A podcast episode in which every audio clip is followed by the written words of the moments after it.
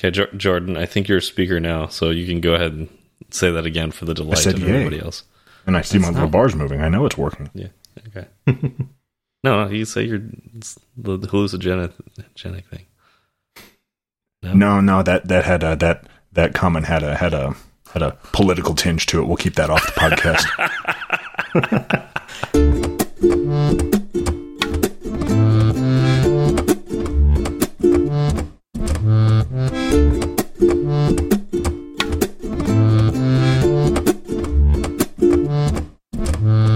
Hi everyone, I'm Jordan.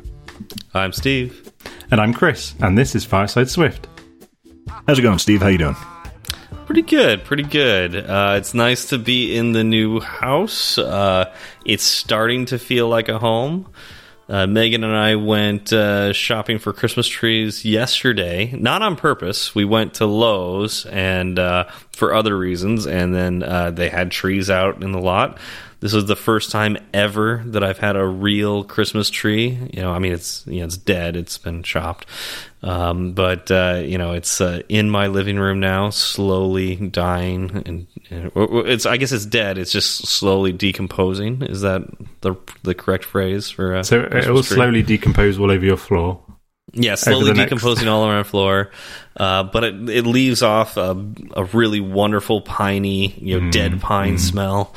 Um, just you know the the perfect smell of the holidays. Um, uh, but yeah, no, it's actually it's really neat uh, to have like a real Christmas tree for the first time ever. Um, We've And, never had uh, one. We've. I definitely like the idea of the, like you said, the smell and and the look of of a real Christmas tree. But we've we've had a fake one for for as long as I've I can remember. Even when I was a kid, we had fake ones. So I think one year we might have a real one, but um, it's just the mess afterwards and then the disposing of it afterwards as well. Still doesn't really appeal to me too much right now, but I do definitely like the idea of it. Yeah, this is this may be the only time I ever do this uh, because I'll I'll have learned my lesson. Um, but uh, hey, I, I don't know. I feel like you know I, I kind of wanted to do something weird this year. Uh, I've always had fake trees um, or no tree. Um, You so don't get to take an artificial tree outside and burn it after the holiday. I don't get to do that this with a real tree here either. Some of us don't live in the middle of nowhere. What? Pretty like sure Redondo Beach would not be happy with me just creating a dumpster fire. dumpster? with fi- my it's wood. yeah, uh, It's made of wood. yeah. Where am I going to burn this, Jordan? I don't know. In your back side front yard. Yeah, yeah. No, I I don't have a fire pit, Yet so yeah, you've got probably not on. ever. Because like I mean, I'm, I'm thinking about getting like a like, little like days to get one. propane, pro, pro, little like little propane fire pit, but not not like an actual fire pit. Yeah. So, anyways, that that's fun. Uh, it's starting to get little like kind of holiday ish around here. I like um, ne- I like Joe Cab's comment in the Slack channel. Sorry, so he said here, Steve, aren't we all slowly decomposing minus the pine smell? Who doesn't have the the pine smell? I mean, when I decompose, I definitely have the pine smell. just just just in time for the holidays. yeah, yeah, um, yeah. So uh, that's that's pretty much uh, my life right now. Just a lot of home improvement projects and unboxing things and and dealing with pine. So yeah, Chris, how's your life been? Um, it's been good, thanks. I've not really had much to to to not to do, but over the last few weeks, there's not really much to to kind of report on. To be honest, one thing actually just kind of jogged my memory. Christmas is coming, and um, one thing I've tried to do, I've tried to get ahead of the game a little bit this this last week. So we we put Christmas lights out on the front of our house. Um, and we're trying to go we're trying to go for a kind of home alone kind of look with with lights around each window and and Oh, wow. a door etc but uh, we've got a lot smaller house than than uh, than he had in home alone obviously um um so i've been spending my lunch breaks kind of doing that every hour i've, I've been going up the ladder and and um putting them around the window. The thing is, is I'm really frustrated. This year, I bought a ladder especially to do this job about three, three, four weeks ago, and it came, and I thought, oh, great, that's you know that'll help me get up there. Um, and when I when I got out to to to, to go up to the, the, the window, realised that none of my um, land around the, the the the front garden is flat. So it's yeah. it's just a pain. Um, it doesn't feel any safer being on a, a proper sturdy ladder than um, I think last yeah. year I kind of leant out the window a little bit and, and did it that way. So, uh, and I'm I'm terrible at stuff like any type of I wouldn't even call it DIY, but any kind of manual work I'm I'm terrible at. So, uh, but I haven't fallen off yet. But um, but yeah, um, I've got another one more window to do, so I'll be doing that next week probably. They won't be going on. We're, we're quite they, the lights won't be going on until the first um, Saturday of the month, so the fourth, I think it is of, of December. But I just wanted to get them up and out there because it can take a lot longer than planned. But otherwise, job wise, it's been a great couple of weeks. I'm still really enjoying the job. Um, I still really look forward to to starting each each day, which is fantastic. Um, there's one of the things we've been talking about. One of the things I mentioned on the last episode we've recorded was we had an in person kind of couple of days a few weeks ago. And one of the big topics that week was architecture. And I've spoken to, to you guys about this on our text messages. Um, I'm sure it's a topic that we'll cover at some point in the future, but it was just kind of mind blowing in terms of somebody who's not really come from a computer science background. Um, so it's been fascinating, and that that conversation has kind of carried on over the last few weeks as well. And so we've had a, a few meetings to talk about that. There's there's a lot there's there's a few differences between what Android want to do and what iOS want to do and things like that. And that's really interesting for me as well mm. to, to, to kind of see kind of, you know, properly as well. You know, I heard about all this stuff before I've got this job in, in, in iOS field, but to actually see it in reality has been quite interesting.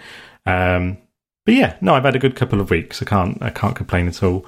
Um, Jordan, how are you getting on? I am getting on well. Since you know, since we're on the subject, I I also put my Christmas tree up yesterday.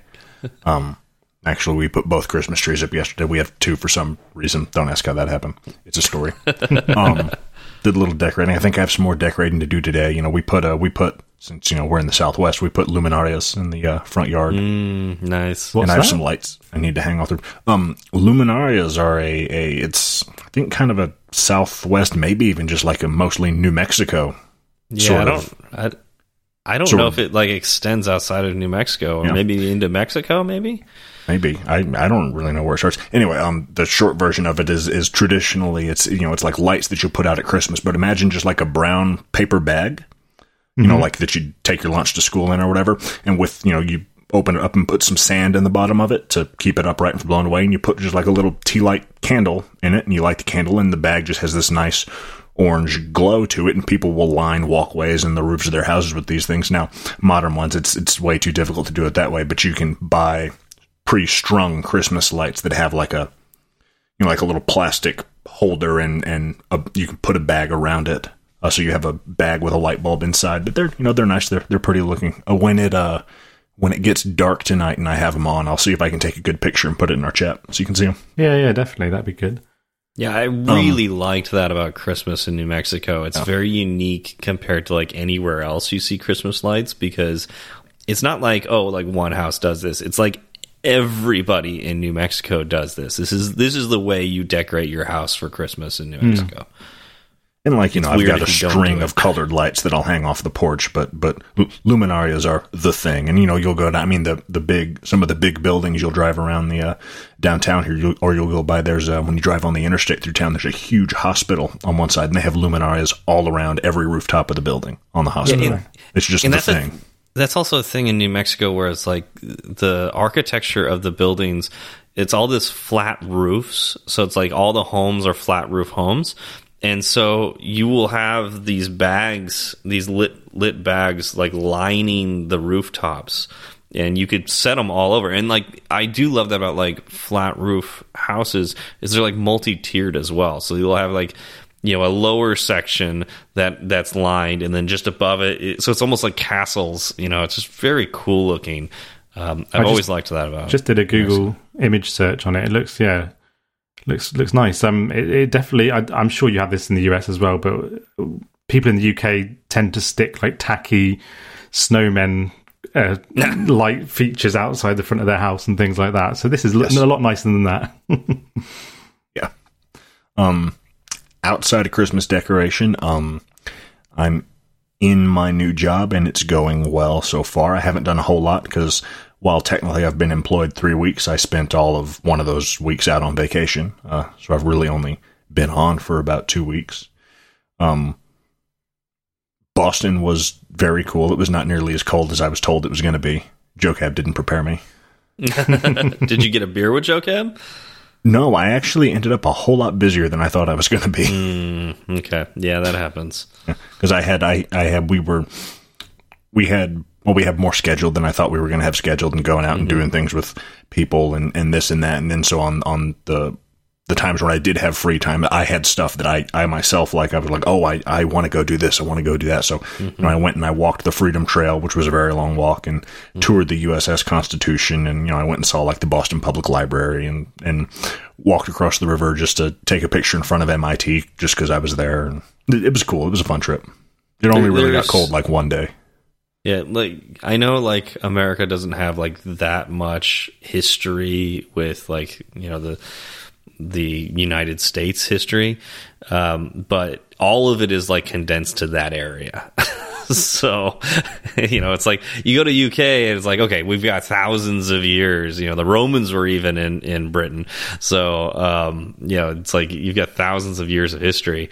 But you know, in in Boston, it's like 200, 250 years. But like literally all of like U.S. history is in like that area. There's a huge Boston. portion of U.S. history, a, a, very high percentage that happened in in just like a couple hundred square miles up there. Yeah. yeah, there's a lot to do there, which is cool. And I'm glad you found time to find a good pumpkin beer. I did. I found a pumpkin beer. I'd never heard of a pumpkin beer till Steven told me about one, and it's it's. I mean, it is what it sounds like. Um, but I found I went to a really cool local burger place up there, and I was sitting down at the bar to just have a burger for lunch by myself, and I looked over at the tap. There was some sort of pumpkin beer there, and I said, oh, well, Steve told me about this. I got to try one. It was pretty good.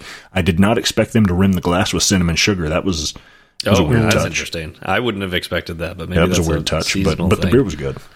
I love cinnamon. I'd be happy with that. that's the pumpkin spice right there. All right. Well, probably should get into some follow up. Uh, Jordan, you want to take this uh, this first one about you know it's from somebody named Johan. yeah, sure. Um, Johan, and I'm gonna, I'm going to butcher the last name. Johan Forsell, perhaps, uh, said to us, "If you're unfamiliar with Git, I can recommend listening to the latest at Fireside Swift episode. Nicely covers the absolute basics." Well, I haven't listened to it, but I, it sounds like these guys probably know what they're talking about. Thank you for the for the for the recommendation, Johan, and putting us out there. yeah. Yeah, uh, so I listened to the last episode when I edited it, um, and uh, I think in general you guys did a fantastic job. Um, however, what I will say is that uh, it doesn't sound like any of you have done rebasing at all. Nope. So you get to that's that I think I you start talking around it. I think you asked like Ben, like what what is rebasing, and uh, there was a lot of silence for a while. Um, uh, so I, I think I should probably clear this up a bit.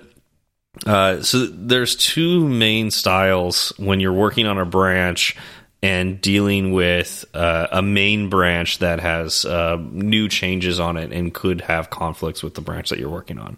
Um, Pay attention to this is, part, Ben. Yeah, yeah, exactly.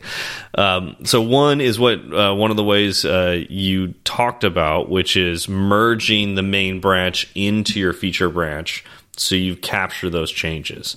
Um, that is one way to do it. Um, but now you're creating a new commit on your branch, so you're basically adding history, um, which is you know capturing those changes the differences between. There's nothing wrong with that. That's fine. A lot of people do that. Um, i'm not a huge fan of that though because it's like you could be potentially introducing changes that you didn't intend to. Um, and uh, to me when i look at the history of git it's not very straightforward. So then enters the concept of rebasing. Uh, rebasing is actually a very simple concept even though it seems complex on its face. Um, and you really have to understand Git to get what rebasing is doing. Uh, each commit, you're not capturing all of the code that you've that that you have written that's that's in the project. Not every commit has all of the the code. It's the just diff, right? the changes. Yeah, just the diff. And so what you are doing with the rebase is basically taking all of the commits on your branch and one by one taking them from where they are currently applying their differences to the main branch. I assume this is you're rebasing onto the main branch. So it's like if you rebase rebase onto a different branch, this changes a little bit. But if you're rebasing onto the main branch, you're taking those those diffs, those changes with each commit, and instead of applying it on the commit that you started with on main, we're going to take those changes and apply them onto the latest commit on main, one by one. So we're not taking all the changes on main and, and merging them into our branch. We're taking our our commits on our branch and one by one applying them to the latest change on main. This can lead to some very interesting conflicts because you're you've probably been working for a while on your branch. Let's say you've got four or five changes, you know, four or five commits on your branch. Maybe halfway through, you introduced a change that uh, is in conflict with uh, with the main branch. You know, something that was changed on the main branch, but then you fixed that in the last two changes. What'll happen when you rebase is you'll apply the first commit on your branch, the second commit, and let's say that third commit has the, the merge conflicts, but you fix that in the next two commits, you'll still have to fix that right then when you apply that third commit. It throws some people off. Um, so, uh, one of the ways around this, and it's a common way to, to deal with this, is to squash all your changes first uh, on your new branch and that way it's it's everything you've been looking at you know in one commit so then you just deal with your conflicts in in one rebase um, you know shift um, but uh, it, to me this leads to the least amount of issues when you get when you do your PRs and and have to uh, merge your changes into that main branch um, yeah, so uh, so I remember listening to uh, you folks talking about uh, rebasing, and, and, it sounded like it was. It, you made it sound, I think, a little more confusing than it actually is.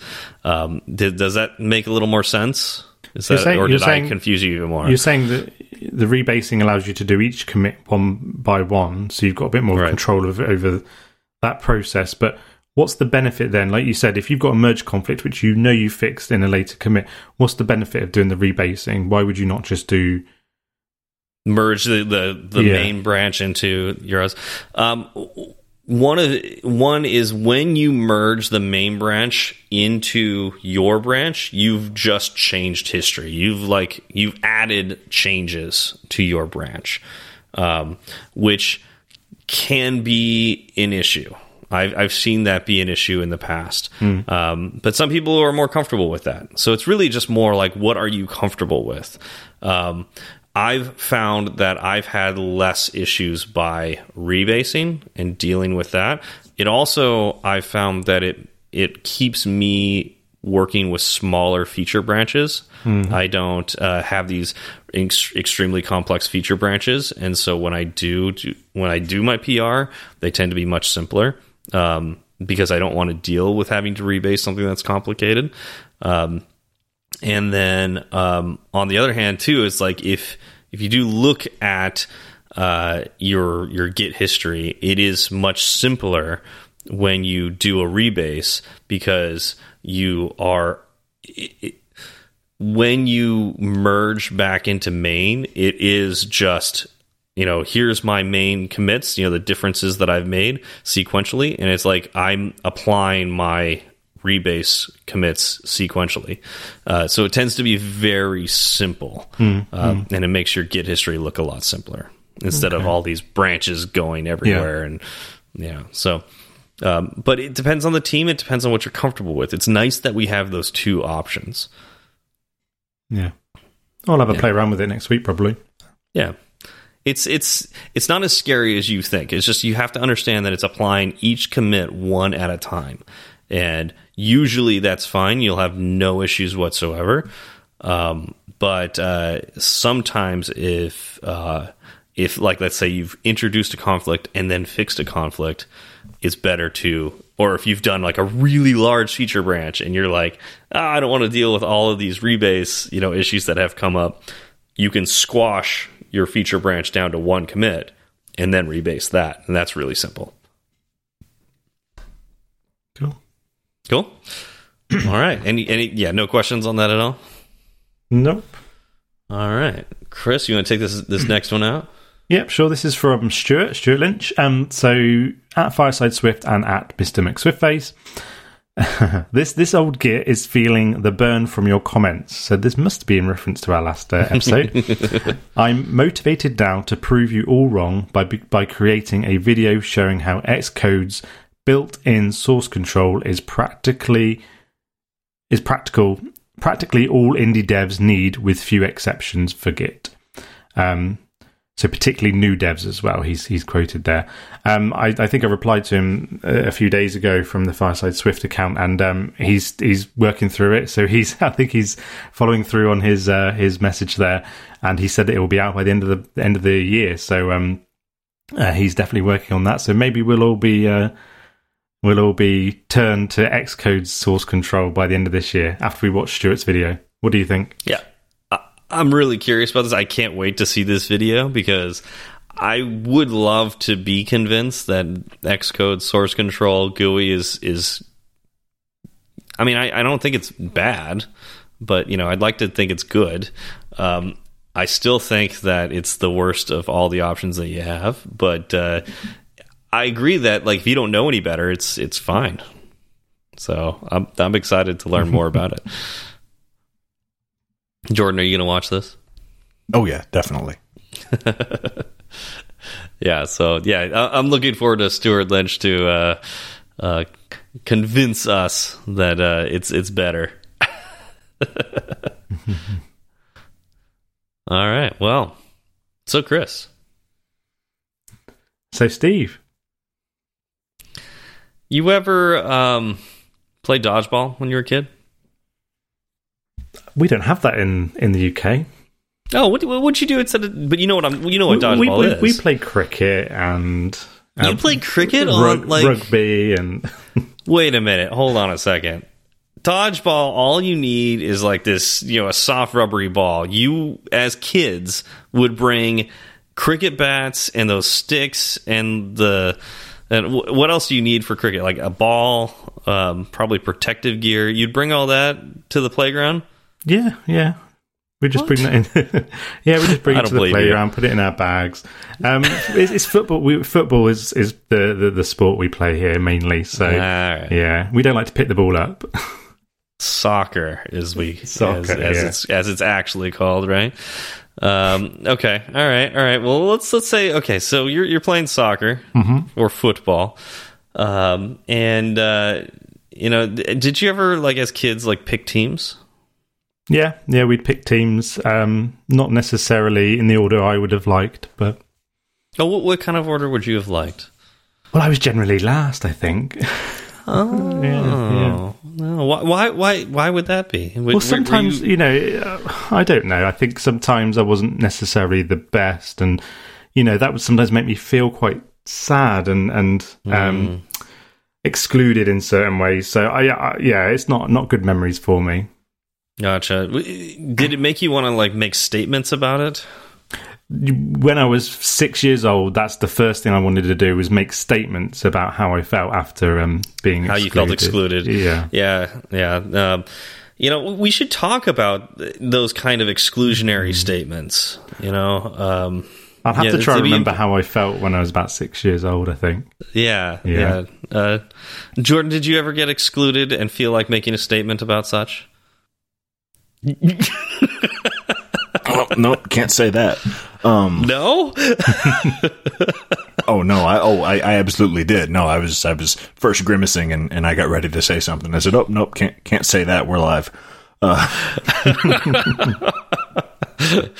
yes, oh, I did. Ben, ben, is reminding you that dead air is a sin. By the way, yeah. um, Chris Chris already stole my line about uh about yeah I yeah I remember teams getting picked. That's that's the thing. That's the thing where uh, where everyone else gets uh everyone else gets to go on teams, and then I go on whichever one has the fewer people on it, right? yeah, it was kind of a common thing as kids.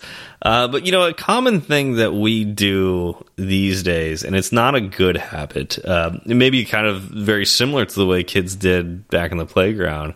Um, is we tend to make what we're going to call exclusionary statements. Um, and this is actually a topic that Zach and I wanted to have years ago, uh, and we just never got around to it. Um, but I, and here, and I know like one of the reasons I wanted to have this was I would lead the meetups and I would hear these kinds of statements a lot, um, especially during meetups. And uh, since we haven't been doing the meetups, I haven't really thought about it much. But uh, when we looked at our our uh, episodes that we were topics that we were hoping to do, this came up, and you know, I sometimes I still do hear this. Um, so let me explain what I mean by this. Um, have you ever heard uh, something to the extent of uh, you're not a real developer unless you know some kind of architecture?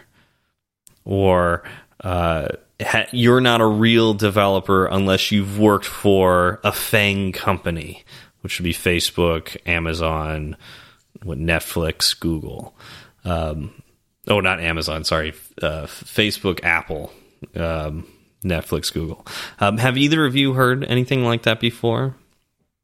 Oh yeah, yeah, I, have definitely heard it, and I think um, it's something that when you self teaching yourself um, can uh, not, not not not just self teaching yourself. I think it apply to everybody actually, but um, it's something that can um, make you feel why am I doing this, or, or you know, am I am I doing the right thing because I don't know that certain thing, uh, whatever it might be. So yeah, I've absolutely seen that over the last few years of myself being kind of um, involved with this um, this industry, and I suppose you know, and and we're talking obviously about specifically about iOS and and and development and programming. Um, but it could apply to a multitude of, of you know um, things as well, like careers and, and personal hobbies and things like that. So yeah, it's it's it's definitely something I've heard of before. Um, Joe Cab's just put imposter syndrome is is um, another thing that's very linked, I think, to this as well, and it can cause imposter syndrome as well. Oh, yeah, yeah I think this was... causes imposter syndrome, and but but I want to specifically talk about the bullying that this actually is, and uh, you know, call it out for what it is, which which is bullying. Um, I remember going to an altconf um, many many years ago, and having some conversations and um, yeah, feeling like an imposter when uh, all the develops developers there were talking about reactive programming and and how oh you don't know what reactive programming is or functional programming. Oh you you don't uh, use functional programming? Uh, what's wrong with you? You know you're you're not a real developer. Um, and uh, this kind, these kinds of statements uh, need to go. And if you find yourself that you make these statements, even offhand, like or even as a joke, be careful. Um, you know how you say them and who's in the room when you say it, because um, it's dangerous. It is very dangerous to say things like this, um, and it's also very wrong um, because uh, you don't need to know all of the things in order to be a true programmer. Uh, you don't need to know all of the architectures that are out there uh, to be uh, to be a developer. Um, yeah, it, mm -hmm. I, it just it bothers me when I I go to a meetup and I you know some of the the more senior people at the meetups we'll be talking about some new hip architecture and um, you know almost be talking down to those people not not I think there's a way to talk about this. You could talk up where you're mm. describing an architecture with its positives and negatives, or only talking about how great it is and how it's crazy that you haven't learned it yet. Um, there's two different ways to approach it, and I think yeah. uh, you really like that's something to think about when you learn things is not to think that this is the right way to do things. It is almost never the right way to to talk about a new programming skill is that this is the right way and and every other way is the wrong way. That is almost always wrong. Uh, there is always trade-offs to everything we do and just because something's more complex does not make it more right than mm -hmm. another thing or something is newer doesn't make it more right than the other way yeah, I think you make a good point about how you describe something or talk about something to to, to uh, anybody, a, a, single person or a group of, group of people. It made me think of, um, like I said uh, in the intro, um, a few weeks back, had an in person week with a new company, and you know, understandably, I am the newest developer there, and I'm most often the newest developer in any meeting um, that I have, whether that be in person or, or a, a digital meeting, and um, and again, not am I the only not not am I the only the newest developer, but I'm also the one who is probably well, most definitely the um, earliest on in in my career.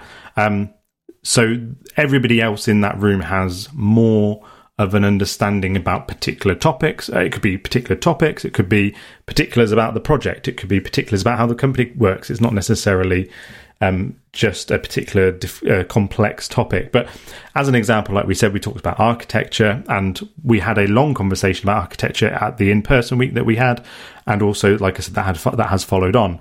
Um, most of those um, meetings, I am blown away by how much is being shared in terms of the the the understanding of what, what is being talked about and, and how that applies to necessarily could be applying to our project or just the the fundamentals of of what uh, clean architecture is. Um, but uh, not once have I ever been made to feel that I'm you know, not stupid basically to, to ask any questions. No, no one has ever made me feel that way, which is fantastic. And, you know, I do keep singing the praises of the company for, for kind of inducing that culture in the, in the company. Um, but you know they are making sure that they're they're, they're even my boss he, he reiterates you know if you've got any questions just just ask just just no one's going to look down if you've got any questions even if it's a basic question about you know what's this what's what's this word about uh, or whatever it might be um, so yeah, just going back to your point, Steve, I think it is very important, because because there's there's definitely moments when they could have made me feel like, you know, why don't you know this? You know, you've you've just started your job in, in iOS. Why why don't you know what clean architecture is? Because there's a, there's a lot of you know, especially if you look at the job advertisements out there, most of them will specify some sort of use of clean architecture, and absolutely there is having an understanding of what that is, but obviously the in depths of that and the weeds of that um, is very different from just knowing the kind of top level stuff which you might need for like for, for me, for example, to get into a, a, company to then start learning that stuff. Um, so yeah, absolutely. I think they the way that they went about that was very um, kind to people. They they never once made me feel silly or anybody else feel silly. Again, it's not just focused on me because it wasn't just me in that room who who didn't know exactly what was being discussed and the kind of concepts that were being discussed. Um, so that has gone very well, but there's definitely moments within that that could have gone um, a bit more exclusionary in terms of you know what they were what they were talking about.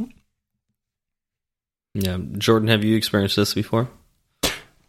Yeah, I mean, I'm I'm new in my current role, so I I haven't uh, haven't heard it here yet. I've got my fingers crossed that you know that the current team that I'm on that I won't hear statements like that, but I've I've heard it in other roles, and like Chris mentioned, you know, it's not something that's unique to to programming. I mean, I think I, I think someone once accused me of of not being a real real uh, board game fan because I didn't blah blah blah. Which point I mm. immediately had to prove them wrong, obviously. But the uh, no the the the point stands, and and you know, unfortunately, I, I, can't think of any examples. Unfortunately, I'm sure I've made statements like that, probably, definitely without realizing it, and certainly without having you know the intent of of bullying someone. But but that's that's kind of what you made me think of with with something you said earlier. It's sort of a it's you know talking positively about something versus talking you know talking up about something versus talking about it like you know it's the great way or it's the only way, and that's a pretty slippery. Uh, slope to walk, and you could. Uh, I don't know. It's it's well, there, there's there's a lot to get into there, you know, with you know the vocabulary you're using and, and just how you're presenting your how you're presenting an idea when you're talking about it. But you could, and I'm sure I've done it, end up uh, excluding someone or, or making someone feel a little bullied or pressured without even intending to. Yeah, and I think you really brought up something very important there.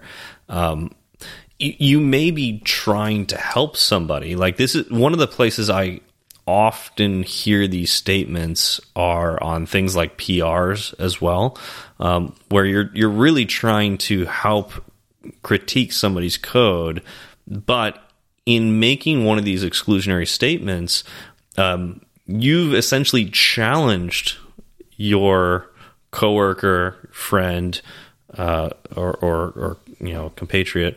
Um, you've challenged their creds, if you will, and now they feel obligated to defend themselves.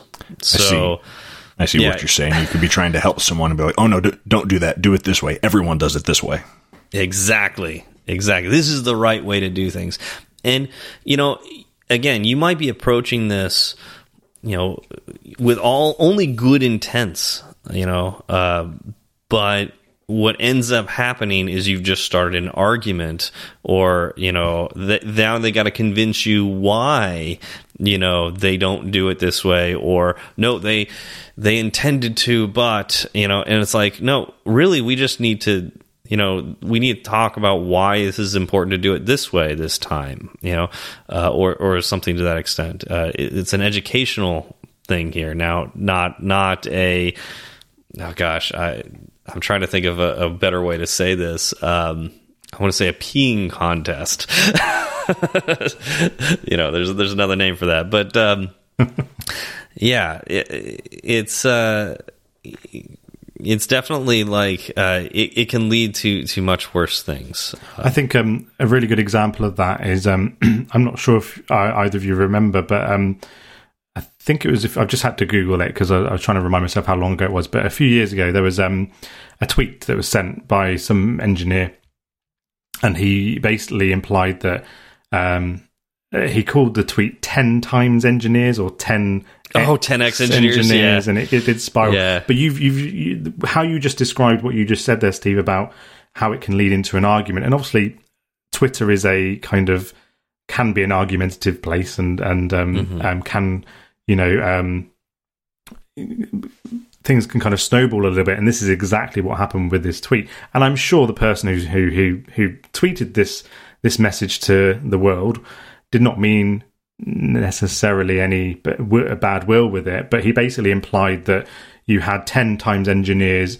Um, if you ever came across a 10 times engineer, then, then, you know, grab hold of them. And then he began to list um, I think there's 12, 11 or 12 reasons here, uh, things here, points here, sorry, as how you can spot a, a, a 10 times engineer. But what that really, all, all that really does is make us all feel bad because nobody I mean, maybe the odd few people um, hit all these the, the, these these points here, but but the, the, the general person is not going to be a a high performing person every single moment of every single minute of the day and then what happened is is people started coming on, on the back of this, and they started taking them, you know, taking it a little bit further and saying, "Oh, I, am a hundred times engineer," just to kind of, I suppose, poke fun at the person who said he was a ten times engineer. But um, but yeah, it just snowballs, and and it just ultimately, it made, I think it the reason it snowballed is because ultimately it made people feel feel bad about themselves, and and people don't want to feel bad about themselves. Most people have got good intent um, with everything that they do, whether that be in their job or their life or whatever, uh, you know, outside of their job. Um, so I just thought this was when we when we said we we might talk about this this topic. I just thought that was a good good um, good uh, example to um, to to explain how what we what we meant by that. Mm-hmm. So if anyone wants to have, I'm sure if you Google uh, the way I found it, I Google ten times engineer Twitter, and if you want to have a read through. Well, actually, no, don't have a read through it. You probably feel bad about it. Yeah.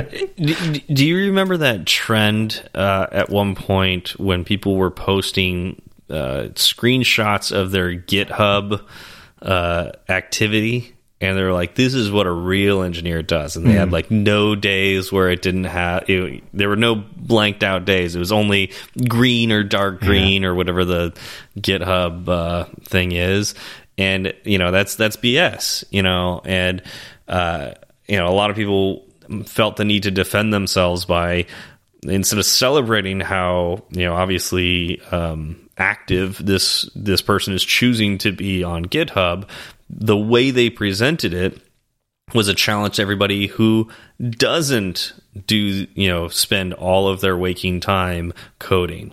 Um, and and here here's the reality: in order to have a job as a developer, you don't have to spend every waking moment of your life developing. Mm, um, mm. This has been somewhat of a realization in my life recently, where I used to, you know, go to work and work as an iOS engineer, go home and work on my side projects, come up with other side projects while I was socializing with my friends, and try to hustle my way into like the ne the next big thing, and I've come to somewhat of the realization that that's, I mean, you can do that if you have a great, if, if you enjoy doing that, more power to you. But you don't have to do that to be an engineer. You don't have to do that to make it into this industry um, and and be good at your job. You really do not have to do that. In fact, you know, there's a lot of benefits to having other hobbies outside of engineering. So when you look at uh, you know some people who only do engineering you you know some it kind of makes me wonder you know like how are you diversifying your life to be more creative um, and and to bring other aspects besides just you know logical problem solving to your job? Um, ben said here on the uh, the slack channel um, ben sullivan um, there was also that huge rant someone had recently about people who shouldn't be able to say they're engineers without an engineering degree. Oh uh, man, so yeah. I've not personally seen. I don't think I, I saw that, but um, I've seen things like that before as well. And that kind of I've of, definitely seen this. Yeah, and, and I, have seen people who who truly believe this that you mm. can't be an engineer without an engineering degree, and I I, I call BS on that. I think um, because I'm I'm fully aware that you know and and and it almost felt like a um, admission sometimes when I was interviewing and things like that that I didn't come from a computer science background and I was self taught and I think it uh, it might be that stuff like this subliminally had kind of sunk in that I I, I wasn't worthy of of you know a, a job in this field because I didn't have that background. But then I think it takes people hopefully like us, but also like you know, uh, you know, for example, like Sean Allen, and I, I, know that he did a lot of work on um, encouraging people who are trying to get into the field, look, you don't need a computer science degree, and and other people who have done that as well, just to really kind of make sure that you know there are those success or success success stories out there that um, from people who um, don't have that kind of more uh, computer sciencey background. And again, that's not to say that those people with that computer science background are um, any different to how I am. They've just got a different way of getting to where I am now, or where that that goal is now. Um, whatever that might be. And again, we're, again, we're talking about programming, but that could apply to anything. You know, um, the board game example, you could be a professional. I don't know if there's a professional. I'm sure there's professional board gamers out there, but you could still be a a, a brilliant board gamer without necessarily going to board game camp or, or I don't know. board this, game took an, this took an interesting turn. I, I, oh, sh- let him go. I, am excited. To, I'm excited. I, I want to hear about this board game analogy camp. Yeah. Have you not heard of it? I've not heard of it. Oh. Apparently, I'm not a real board gamer. well, there you go. I've been there. Everyone so. goes there. Uh, but yeah, no, you get my point. Absolutely. You know, and I want to say, like, I think I honestly think more than half of my coworkers don't have CS degrees. Um, so you know that, that, there's something for you right there. You know if you were thinking if, if you were imagining that if you're out there listening to us and, and thinking oh man yeah yeah you don't need to have a cs degree but man it you you pretty much have to because there's only like a rare person who gets in without it. Well that's not true. You know um, the world has shifted when it comes to education I'm I, I was gonna make a statement, but I realized it might not be true. But I was gonna say I'm not I'm not sure any of the hosts of this podcast have a CS degree. Yeah, I don't. No, yeah, Chris, you no. don't have one, right? No, um, you know, I don't. I, I don't know. See, I, I, I don't know what Ben has. I don't know what he. Uh, he doesn't have any education. We know that. you can just tell by the way he talks. Um, he is from Essex, so. oh, he's diving. Um, uh, so, uh, yeah, I, I, I'm probably the closest with my electrical engineering degree. Um, but you know, I, I even remember when I was getting my degree in in EE. Uh, a lot of the EE, my fellow EE uh, colleagues would somewhat look down on me because I was interested in software and they didn't think that that was actually electrical engineering. I even went to an interview, and I, that's another place I want to talk about exclusionary statements interviews. Um, but I remember doing an interview for a company that shall remain nameless, and they basically made me feel like, even though I was getting a master's in electrical engineering, that I wasn't a quote unquote real electrical engineer because I didn't focus on hardware. I focused on the software of electrical engineering. And that That's was, dumb. yeah, it made me feel like crap. It really did. And, and here's the thing, like, um, you know, uh, eventually you two will interview you know, that's that's that ends up being a part of this career arc that you two are endeavoring upon. Um, and I'm starting to do a lot of interviews myself right now, and this is something to absolutely look out for. Um, and it it's easy to accidentally do because um, one of the things one of our recruiters reminded us of recently was remember that you are you you should not compare candidates to yourself because they are just entering you know they're, they're, they they haven't been a part of this company and this culture and our group think. So you can't compare them to yourself because you know that's what we want to get them to you you've already made it if you will. You know you've got into the culture you've been in this this world and you've learned our ideas. Um, so don't try to compare them to that. Uh, compare them to if you believe they can learn you know if you, you believe they're coachable. That's that's what you need to to be looking out for. And you know it's it's so easy to say like oh you know, for an example, let, let's say I was working in a company that used Viper. I only interview candidates if they have Viper experience. You know, that Viper is a kind of architecture. Mm. It's a weird kind of architecture, and it's an architecture that many companies don't use because it's very complicated, and many companies don't need to use it. So think about how many candidates we're excluding if we require you to have that experience ahead of time. Mm -hmm. uh, as as someone who has spent a very long time job hunting, don't don't get me started on on the subject of of strangely specific and and exclusionary requirements on on job postings. But I mean, let's talk about it. This is literally what this topic is. So we are going to get. yeah. I I do want to get you started on this. So what's what's some of the ones that you've seen, Jordan? Well, obviously the first ones that come to mind are are the funny ones. You know, where someone will be like, "Oh, you have to have." You need eight years of experience in a framework that's only been out for five years, or you know that that's I mean that's that's what happens when you uh, when you, when you let HR write the job posting for you. Yeah. Uh, I think one thing, just just to mention, just as we mentioned that the the one thing that I saw on the majority of job ads was computer science degree or equivalent in in this field.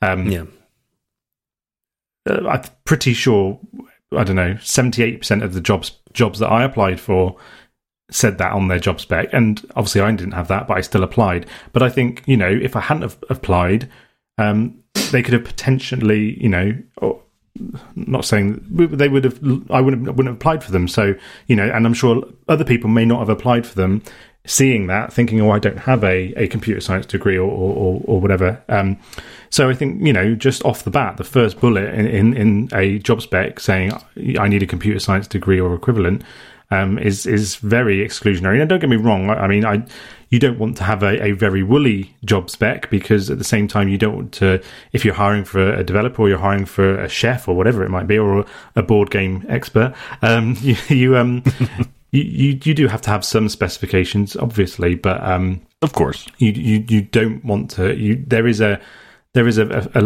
a fine line there, I think, because you know there are opportunities for people who aren't necessarily um, exactly what you are kind of, or not exactly what you. It's, it's what you think you want, isn't it? I think sometimes. yeah, yeah, that's. I, yeah, go ahead, go ahead, Jordan. Well, I was going to say, in a way, uh, I, I think some companies or some jobs that that do the wrong thing in their postings like that, they they end up uh, they they end up excluding themselves out of employees. Yeah, Yeah. um, yeah, absolutely. Oh yeah, not in a way. They totally they they totally do. I I know that there are there are tons and tons of job postings that I have passed over because I've, I've been like, oh, this looks cool, and I think I would be a good fit for this. But they have on this where I, I you know absolutely have to have a master's degree to apply, and I don't.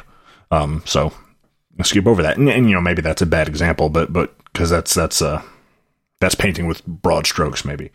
Um, but you, you guys know the types of statements I'm talking about. You you have to have worked with Viper, Right, right. Or- and and you know the advice that I hear a lot and um, is is even mentioned in our, our Slack channel right now from from Badge is that uh, you know apply anyways, you know, and while I somewhat agree with this advice. Not not just somewhat. I do agree with this advice because that is the current environment. I'm more talking to the people who make these poorly done requirements and say stop doing that. You know, stop stop uh, excluding out the good candidates. Um, I've seen this a lot recently where companies will only hire for quote unquote senior developers when in reality they need just good developers, good mid level developers, or good entry level developers that are willing to learn quickly. And they don't put that at all in their requirements. And um, while some people will listen to the advice or hear the advice that they should apply anyways, and that's what the company's actually looking for, and they will get hired. Think about all the those that don't hear that advice, or you know are they're really good at listening to, to rules, you know, and and they read the requirements and say, well, they are requiring a master's degree. They are requiring this esoteric, you know, knowledge of this esoteric thing that I don't have, and therefore I'm I'm breaking the rules if I do this, so I don't deserve this job. I've lied, mm-hmm. you know, and that and that's not good. and to the credit of, of what what Badge is saying there, I I started off applying very much uh, adhering to the rules as, as as you put it there, and as I got you know just X number of job applications deep, like the more I started putting out there, the less I started caring about about those rules, and eventually that paid off. Uh, Yeah. Exactly. Yeah. So, I, well, this topic is, you know, and it, yeah, if, if this is the first time you're hearing this out there, you know, definitely follow that advice. That is the reality right now. I wouldn't have got. Uh, I wouldn't have got pretty much all. I did. I wouldn't have applied for any jobs if I'd have followed the the, the, Yeah. the specs on any job because I wouldn't have qualified for any of the Yeah. jobs that I applied for. And I've ha- I had a, a large number of interviews, and then obviously the job that gave me the opportunity that I've got now wouldn't have had any of those interviews and wouldn't have had this job. So absolutely, um, yeah, apply. It, Well- what I would like too is is for all those who currently have jobs, you know, take a look at your job postings and say something about it. Don't don't let don't leave this to the recruiters. Say something if you know that something seems off, that the requirements seem too high, because you are missing out on those great coworkers that you could be having as well. What were you gonna say, Jordan? Oh, I was going to say it's it's it's a. Uh, I was not really changing the subject, but I was taking this in a different direction. Where I was going to say it's it's it's refreshing to see it when it's done right. Mm-hmm. Um, one one of the more encouraging experiences I had when I was early in the job hunt. Um, I applied for a company. It's a big. Co- I can drop. I can name drop companies we're not affiliated with, right? Yeah, I think yeah, I think so. Okay. Yeah. So I applied for a for a database admin position with IBM, and IBM has all over their like like careers page and whatnot. Like that they they go out of their way to to say like, hey, we don't require you to like have a degree and things. We we require you, you know, to be able to think critically and and to you know to you know be qualified. But you know, you don't have to have a degree to work here. That's that's not what we're about. And it was it was very uh, very refreshing to go through that application process. Especially this was this was well this was mid pandemic. I was kind of fresh out of that that web development course. Um, that I did. So that was a that was an encouraging experience amidst all these applications. I just didn't hear anything from, and obviously I didn't end up working for them, but I did end up with an interview. Like mm. it, was, it was it was super cool. Hardest interview I've ever had. I hope to never go through that again. uh, yeah. It was like an on what is it? It was like an online interview, and it was like, all right, you have six questions, like six problems to solve in this interview, and we'll give you four hours to solve these six problems. Man, I used every second of that four hours. Jeez, it yeah. was like I was expecting some like like abstract programming related stuff. Like you know, the the joke is like, all right, we'll invert a binary tree now, but didn't have to do that, but like like the first question, like it, it was well, pretty much like they don't opened. Give, yeah, don't give away the questions. I'm not giving away the question. I'm saying, but the first question, it, it was kind of like they op- they opened with like with like, all right, let's let's warm up with an exercise in a linear algebra and go from there. Like, oh, jeez, oh, that, that's yeah. what we're doing today. Yeah, yeah. Um, yeah, uh, let me change the subject just a little bit because uh, Ben asked a question in the Slack channel. Um, yeah, uh, this guy named Ben. Uh, I, I keeps bothering us. Yeah, he keeps bothering us. Uh, he said, uh, he, where he asks, "What's good practice to do during code review code reviews in a productive way?" So, how do we? I'm going to re rephrase this question a bit. How do we avoid exclusionary statements in code reviews um, to uh, to be more productive during our code reviews? Um, and I'll start by providing an example of what not to do. Um, and I mentioned this before, uh, but I've I've literally seen this where, um, in uh, somebody will look at your code and review it and put a comment say, uh, "Don't do this. This is wrong." So, how does that make you feel? When and that's it. Like, let's say that's the entire comment. This is not how we do things. This is wrong. Sad. I suppose. I suppose if that's the entirety of the comment, I would. Uh, I would wonder. I would wonder.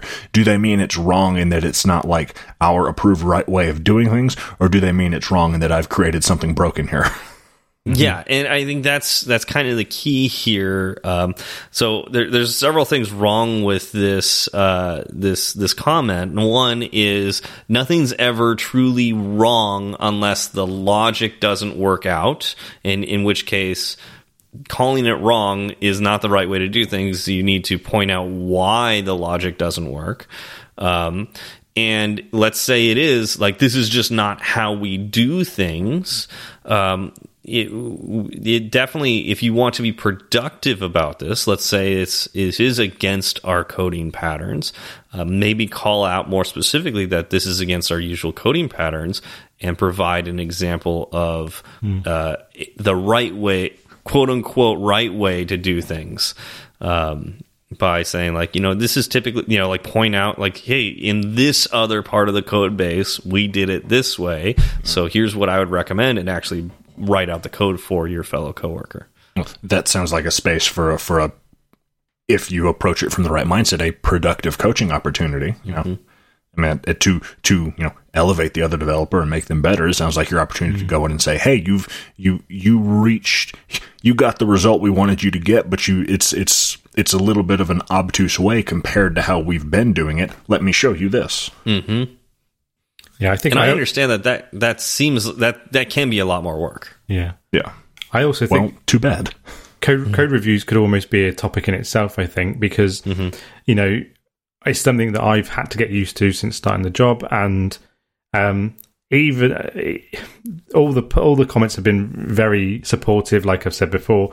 Um, but even even as a new per, new developer, it, it, there's aspects of it where I think, oh, you know, am I doing this right? Am I? Because we're going back and forth quite a lot with a few things, and and understandably, they are they are probably checking that I'm I'm not breaking anything and, and doing the right thing.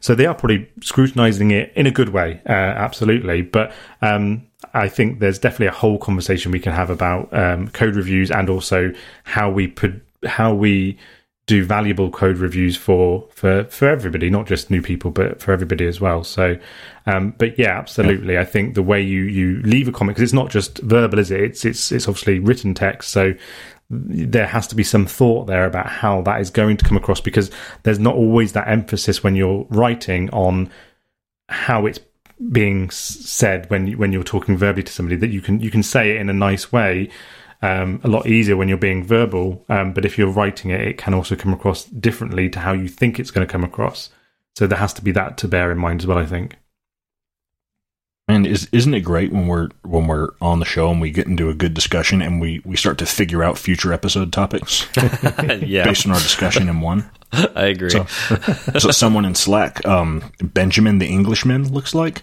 um, uh, has also suggested that interviews could be a topic of their own. He must not be a real regular listener to the podcast because we did an episode on interviews just just a few months back. Uh, as a matter of fact, I think one of our pieces of feedback today um, has uh, has uh, has something about about our interview episode in it. I think some Chris or maybe Ben helped someone out. Yeah, it's possible.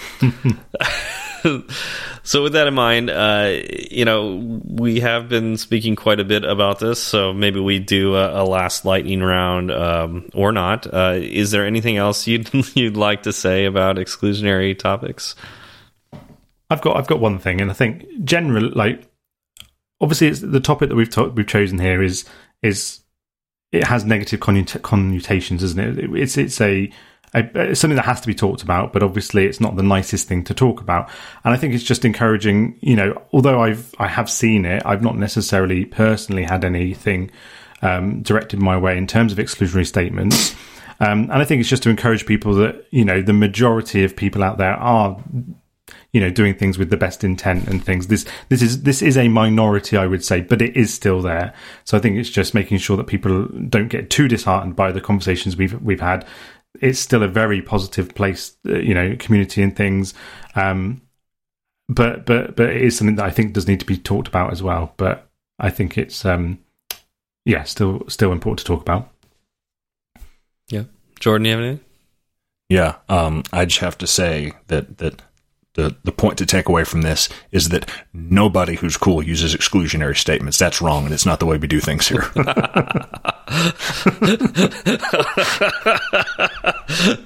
Man, I think we got to end with that. That's good good. Uh, we do have some shout outs, uh, which mm-hmm. is, I mean, here's the interesting thing. We didn't have shout outs for quite a while. And then all of a sudden we got three this week. Um, it seemed like, like one a day. Uh, you know, it's like one after another. So yeah, all that had to uh, happen was you had to miss an episode. That's what it. That's what it has to be. So I just gotta like miss episodes, and then we'll get tons of reviews. I love it. Uh, so, Chris, you want to take the first one? Yeah, absolutely. I'll take the first. So it's a five star review from um, Matt B4DG3R. No, no, Badger? no. That's Matt, ba- Matt Badger. Yeah. Sorry, I'm not down with the uh, the uh, cool lingo. Um, so this is from Matt from the UK. So um, he said, "A great listen for any developer or any aspiring developer from a good bunch of people from different backgrounds. Thanks to all of you for such a great show." I have just accepted an offer for my first iOS developer role to start in the new year. Big thanks to Ben for the interview clothing advice. that must Wear clothing. yeah, that's always a good good start. Um, that's that's must have been what convinced them. And a big thanks to Chris for being so open about um, my career change. It's nice to hear I wasn't the only one who took nearly five years to make the transition. Also, Steve and Jordan, thumbs up. The podcast wouldn't be what it is without all four of you. Much love. Um, so, firstly, huge congratulations to you, Matt. I, yeah, congratulations. I messaged, I messaged, you on, on, on Twitter just to say congrats, and we've had a bit of a chat. So, yeah, fantastic news, and, and good luck for the job in the new year. Uh, like I said, if you've got any questions you want to direct our way, please, please just just message us or, or, or put something on our Slack channel. Um, but yeah, congratulations and thanks for the review. Um, I'm also really curious what this clothing advice was. um, I don't know if I would trust clothing advice from Ben, but uh, you know, I'm glad it worked out for you. um, uh, Jordan, you want to take the next one? Sure. This one is from Tumblr user Colby from the United States. Uh, another five star review says, "Love the show. The show is great. I've used it to help me. I've used it to help keep me in the mindset as I learned iOS while still doing my day job. I can't read today. Uh, love the first season and I'm enjoying the second season, but I don't know what it really is or whose mic is doing it. But there's almost like a sniffling sound that is constant in season two now. It's very loud and jarring, especially with headphones. I don't know if someone is sniffling into their mic, but stop, please. Smiley face. Everything else is fantastic, though. Absolutely love the show. The otherwise um, goes on and he leaves gives an example of an of a timestamp in one of the episodes where you can hear the sniffling noise. Um, I did go and listen to that exact that exact uh, timestamp just to hear what the sniffling noise was, and uh, that noise was me sniffing my nose. Uh, Sorry, so I, didn't mean, I didn't mean to put you on the spot with this one. I'm actually meant to read this one. Sorry. Yeah, so no, uh, good ear, uh, Tumblr user Colby. That that you, if there was a prize to win, you'd win it. You identified that sound exactly. That was that was the biological function happening in my face there, and I'm I'm glad everyone gets to hear that on microphone. But thank you for the thank you for the review, and we're glad you're enjoying the show. Yeah, Kobe. I re- actually I really appreciate this feedback. Um, you know, obviously, like I love having like a review. You know, it's like good to hear. Uh, but this is, I mean, this is fantastic feedback because I didn't realize how loud this was. I did the same thing. I and I, I love that you gave us a timestamp for this because uh, I I went and listened to it as well and went, oh my god, okay, so now like I went out and immediately bought a. Uh, oh, I forgot what this is called. I didn't have like a, a soft um, uh, like wind cover, wind cover over my mic, so it's like it's possible that I'm doing this from time to time. I do have a pop filter, um, but uh, you know, I, and I recommended it for for all four of us to get uh, a wind filter and a pop filter for all our mics. Uh, I think I have a, one on Amazon right now. My yeah. Amazon cart. Yeah, so it's like, yeah, I mean, this is this is hard. You know, I, I put a limiter on, uh, you know, for for everybody's audio track to try to keep any of these like major sound spikes down. Uh, but there's only so much you can do post processing. Um, so we're we're doing the best we can, and but thanks for pointing this out because this we're we're actively working on uh, making this better for you. Um, I, am just amazed that you got through the first couple episodes without that because we weren't thinking about this at all, and it had to be much worse. Uh, so hopefully uh, we can fix this for you. And uh, anybody else hear any sounds like this, let us know, and we'll we'll do what we can. I'm very conscious of my sniffly nose now. You know what I think it is? I have my mic sitting on the desk and not on not on like an arm, and because I'm you know crazy tall, I'm looking down at my mic and down mm. at my mm. computer. So i am we're sitting here. We've been talking for two hours, and I've had my head tilted forward the entire time, and I think it uh. just makes gives me that little bit of runny feeling, even though my nose is fine. yeah, yeah. That, hey, we're we're human, you know, and the yeah. best we can do is uh, try to accommodate for that as best as possible. But uh, at least yeah. I hold my flatulence in until we're done recording. I until don't. we hit the stop button. I don't at all. Um, all right, uh, and I'll, I'll, take this last one. Uh, we've got this from Jay Forsell from Sweden. Uh, laid back podcast, perfect for iOS novices. As someone considering a change of careers into iOS development, it's very interesting hearing the viewpoints of developers just breaking into the field.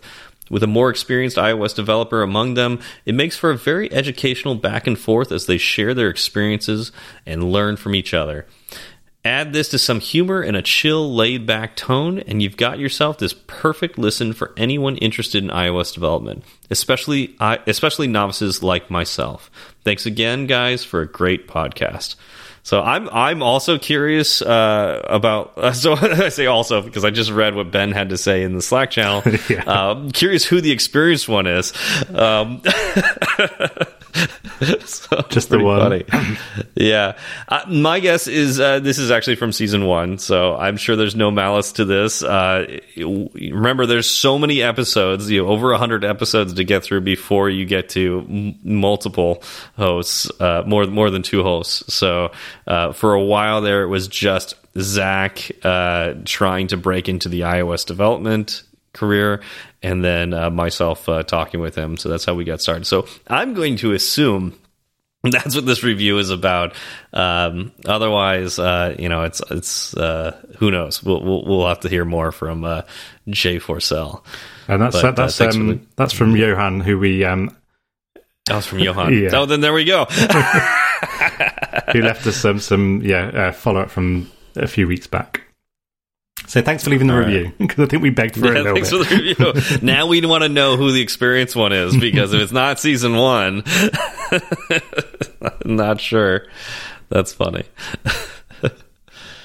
All right, uh, Chris, did you want to say something about this next uh, bullet? Yeah, point? I'll just uh, I'll plug the, uh, the the merch site again. So we've got a new merch site. Um, link will be in the show notes for that as well. Um, there's some old kind of content from the previous merch site and also some new newer content as well. I've ordered myself a few things that arrived a few weeks ago.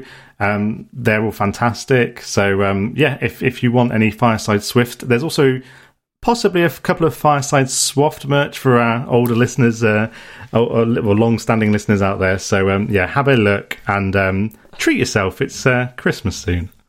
It's Christmas. I agree. uh, yeah, and then of course um, we try to do a live show every time we record this. Uh, it's kind of fun. We get to interact with uh, those of you who listen to us and uh, uh, post on the Slack Slack channel. Um, and we try to. I think where, where's the link for that? Uh, usually in between episodes, Chris, is that on the Twitter? It's on our Twitter. It's the, yeah, the the link on our Twitter uh, account. on the Twitter account, and we're going to put it in the show notes. Um, yeah, feel free to join the Slack channel. We tend to have discussions during Apple uh, announcement um, announcement things, whatever those are called. Um, we tend to have discussions there, and, and feel free to ask us questions. It's a it's a direct line to us, either there or on Twitter. Yeah, um, and I think that's all we had today. So thanks for coming out, and we'll talk to you next time. Thanks for listening. Bye, everyone. It's such a good feeling to be back with you, cause second season was long overdue. Let me introduce you to the new Fireside Crew. Chris and Ben are the English blokes who correct your grammar and tell witty jokes. Jordan is the baritone. Steve's the one you already know. Zach left to spend time with the shorties. Raise a glass or tip your 40s, giving props for the last three years and for helping out so many peers. Now let's get down to business. Let the four of us beg your forgiveness for excruciating segue puns and mistakes that might confuse someone. Twitter's great if you heard us slip, or if you want to share a pro tip, we're at fireside underscore swift at fireside underscore swift. You can message the entire ensemble, or just one of us if you're more humble. We'll leave our handles in the show notes for you, and get back to you real soon. If your message is a little too long, there's firesideswift at gmail.com and firesideswift.com. Firesideswift.com. If you like the show, leave a review. If it's five stars, we'll mention you on the very next show we do in a fortnight or two.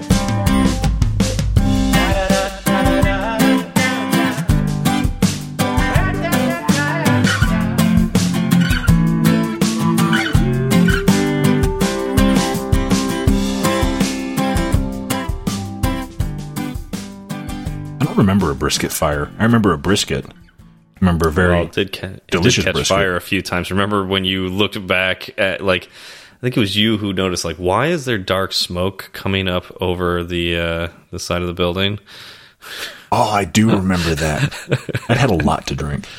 Uh, we've all had a lot to drink that entire trip.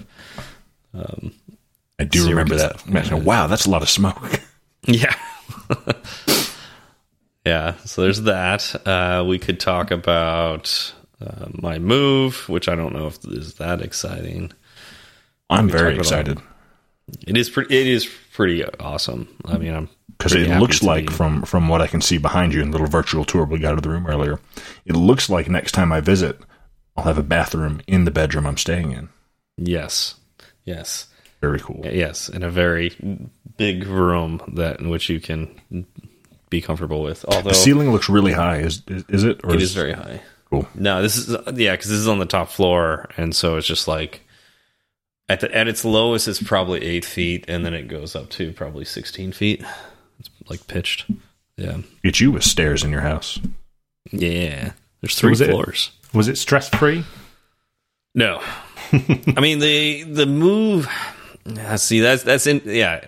The move itself was fairly stress free because I paid movers, um, and I highly recommend that if you can afford it. Um, and it was lower than what was quoted to me. About it was like half of what was quoted. So it's like what was quoted seemed like way too much, and it was. So, um, and I think they do that because that's like the max they can charge or something to that extent.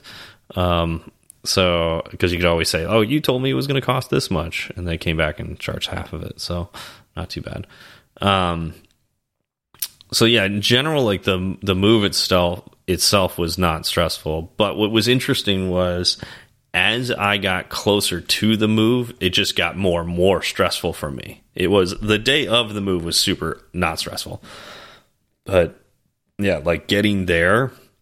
Like I was freaking out, like, oh, what do I need to do? You know, what do I need to set aside? What do I need to like, you know, um, take down myself and I made several trips down here like the week of the move to uh, just take like a few like like electronics and things that I, I didn't want to get moved.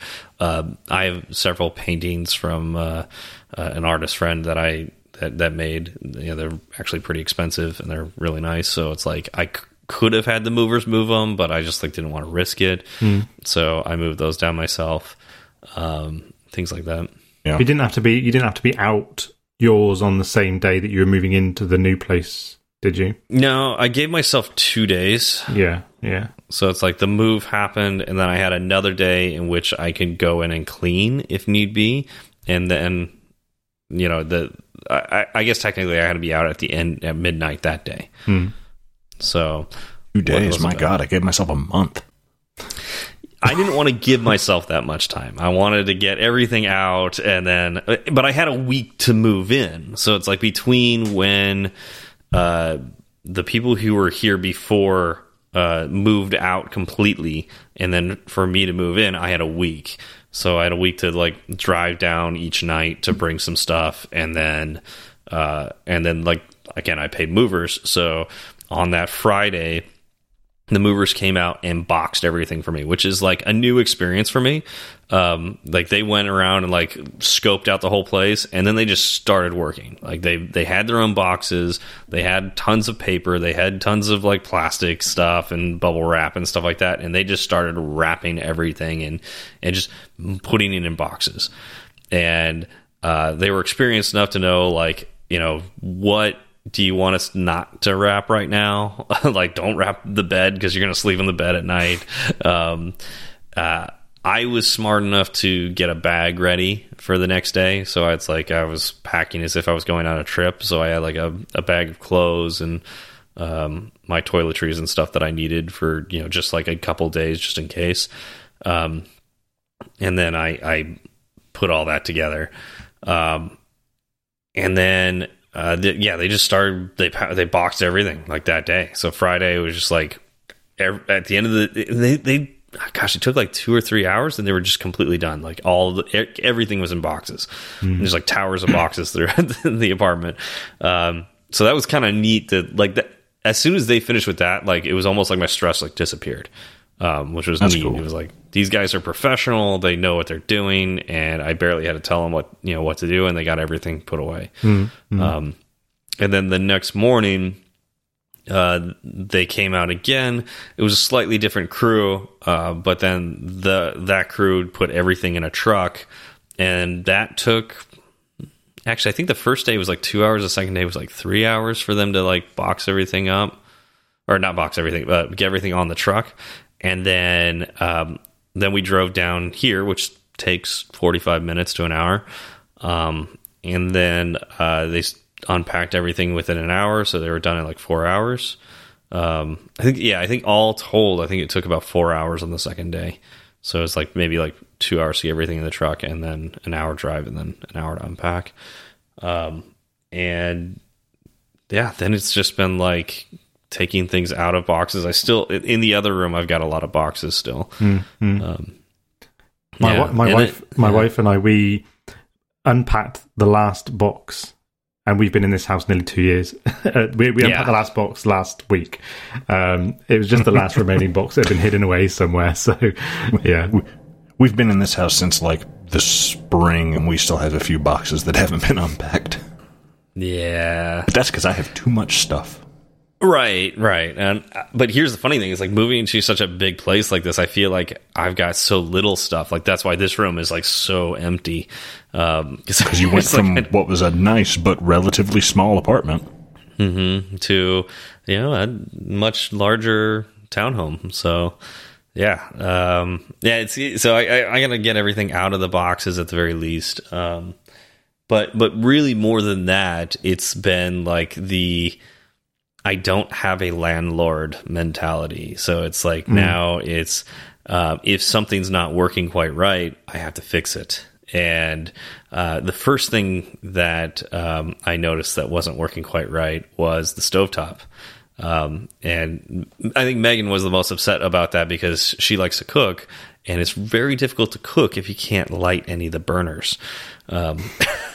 so, so only one of the burners would light, uh, unless I had a match, and you know, and, and even then, like the the burner would tend to go out if you turned it low enough, and then you have to get another match out and light it again. Um, so that was super frustrating. So I've ordered a new sto- uh, yeah, new uh, cooktop, and uh, that's hopefully getting installed next week. Um, and then uh, the washer and dryer uh, errors out just about any time I try to wash or dry anything. So the uh, the drain in the washer doesn't drain at, at all. Um, so that's that is an interesting experience. I, uh, I don't know if you've ever experienced this where you have a washer that does not drain. You open it up and everything's just soaked. No, you you can't open it because it's not a top loader. So it's got like a safety lock on it, is it? So you can't Yeah. open it if it's full of water. Yeah, we've got one like that. Yeah. Yeah.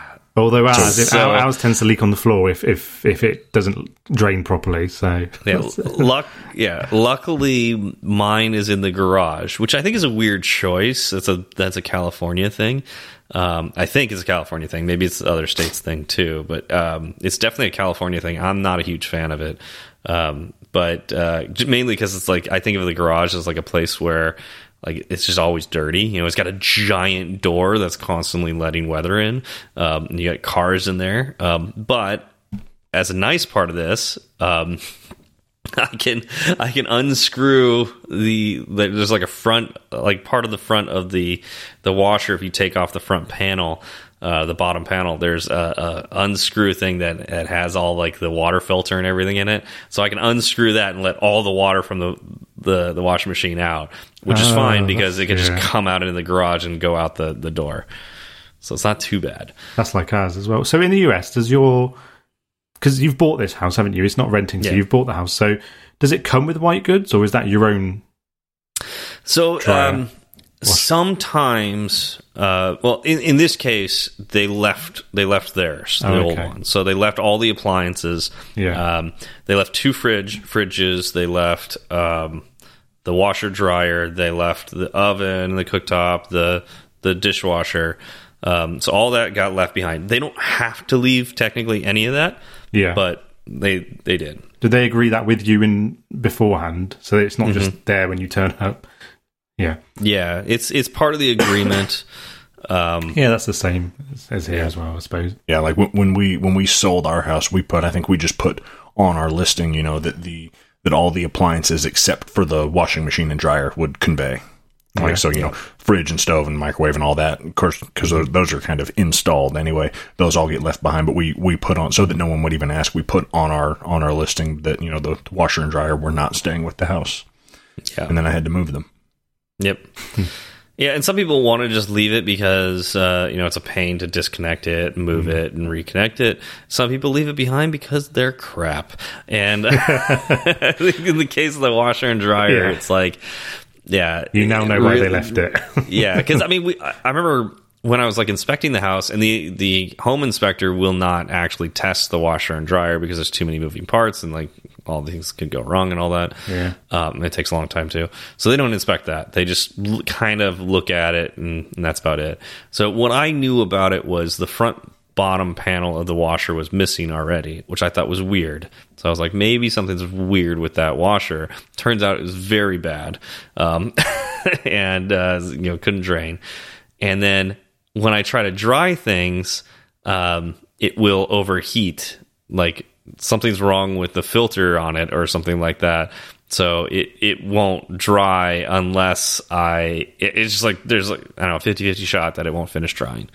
Like I'll have to like open it up for a little bit and close it and start it Sounds up like an opportunity for new appliances. Yeah. So I've already bought a new washer dryer that's going to get installed on Monday. Is that in Black Black Friday? You, you, Black Friday yeah. sale at Lowe's. Yeah. Yeah. the con that is. Yeah. Although I think- so. yeah. That's just that's been the, the thing now. It's like I've I probably would have everything out of boxes if it weren't for the fact that like I'm just like going around and replacing things and fixing things and um yeah, dealing with the like when I have spare time, I'm not spending it on unboxing. I'm really just spending it on like home improvement. Just noticed we've Yeah. got um, Wonders of Was home ownership. Swifty McSwiftface on the on the the space. Oh, that's interesting. Yeah. I see that too. He's not requesting to talk. So No. Oh, up a one hundred percent. Is that a one hundred or one hundred percent? It's one hundred line line. Now There's no percent sign on it. Yeah, there's no percent. That's a good point. yeah. Yeah, Again, No wonder where he is. I think he's trying to communicate with us, but I'm not really sure why. Why is he not here again? I don't know. Lazy. There's two reasons. There's two reasons. What are those two reasons? He's hungover. He's hungover and he didn't shave. Okay. I don't Yeah. think he owns a razor. At this point, we don't know if he's Daddy McDaddy face yet or not, do we? So No, we don't. We do not know that. we'll find out soon enough. Blink twice if you're safe. Or, you know, send a text because that's an option too. We don't, have to, we don't have to use emojis. yeah. We do have one message. We did just get a message. All right. So Ben is indisposed.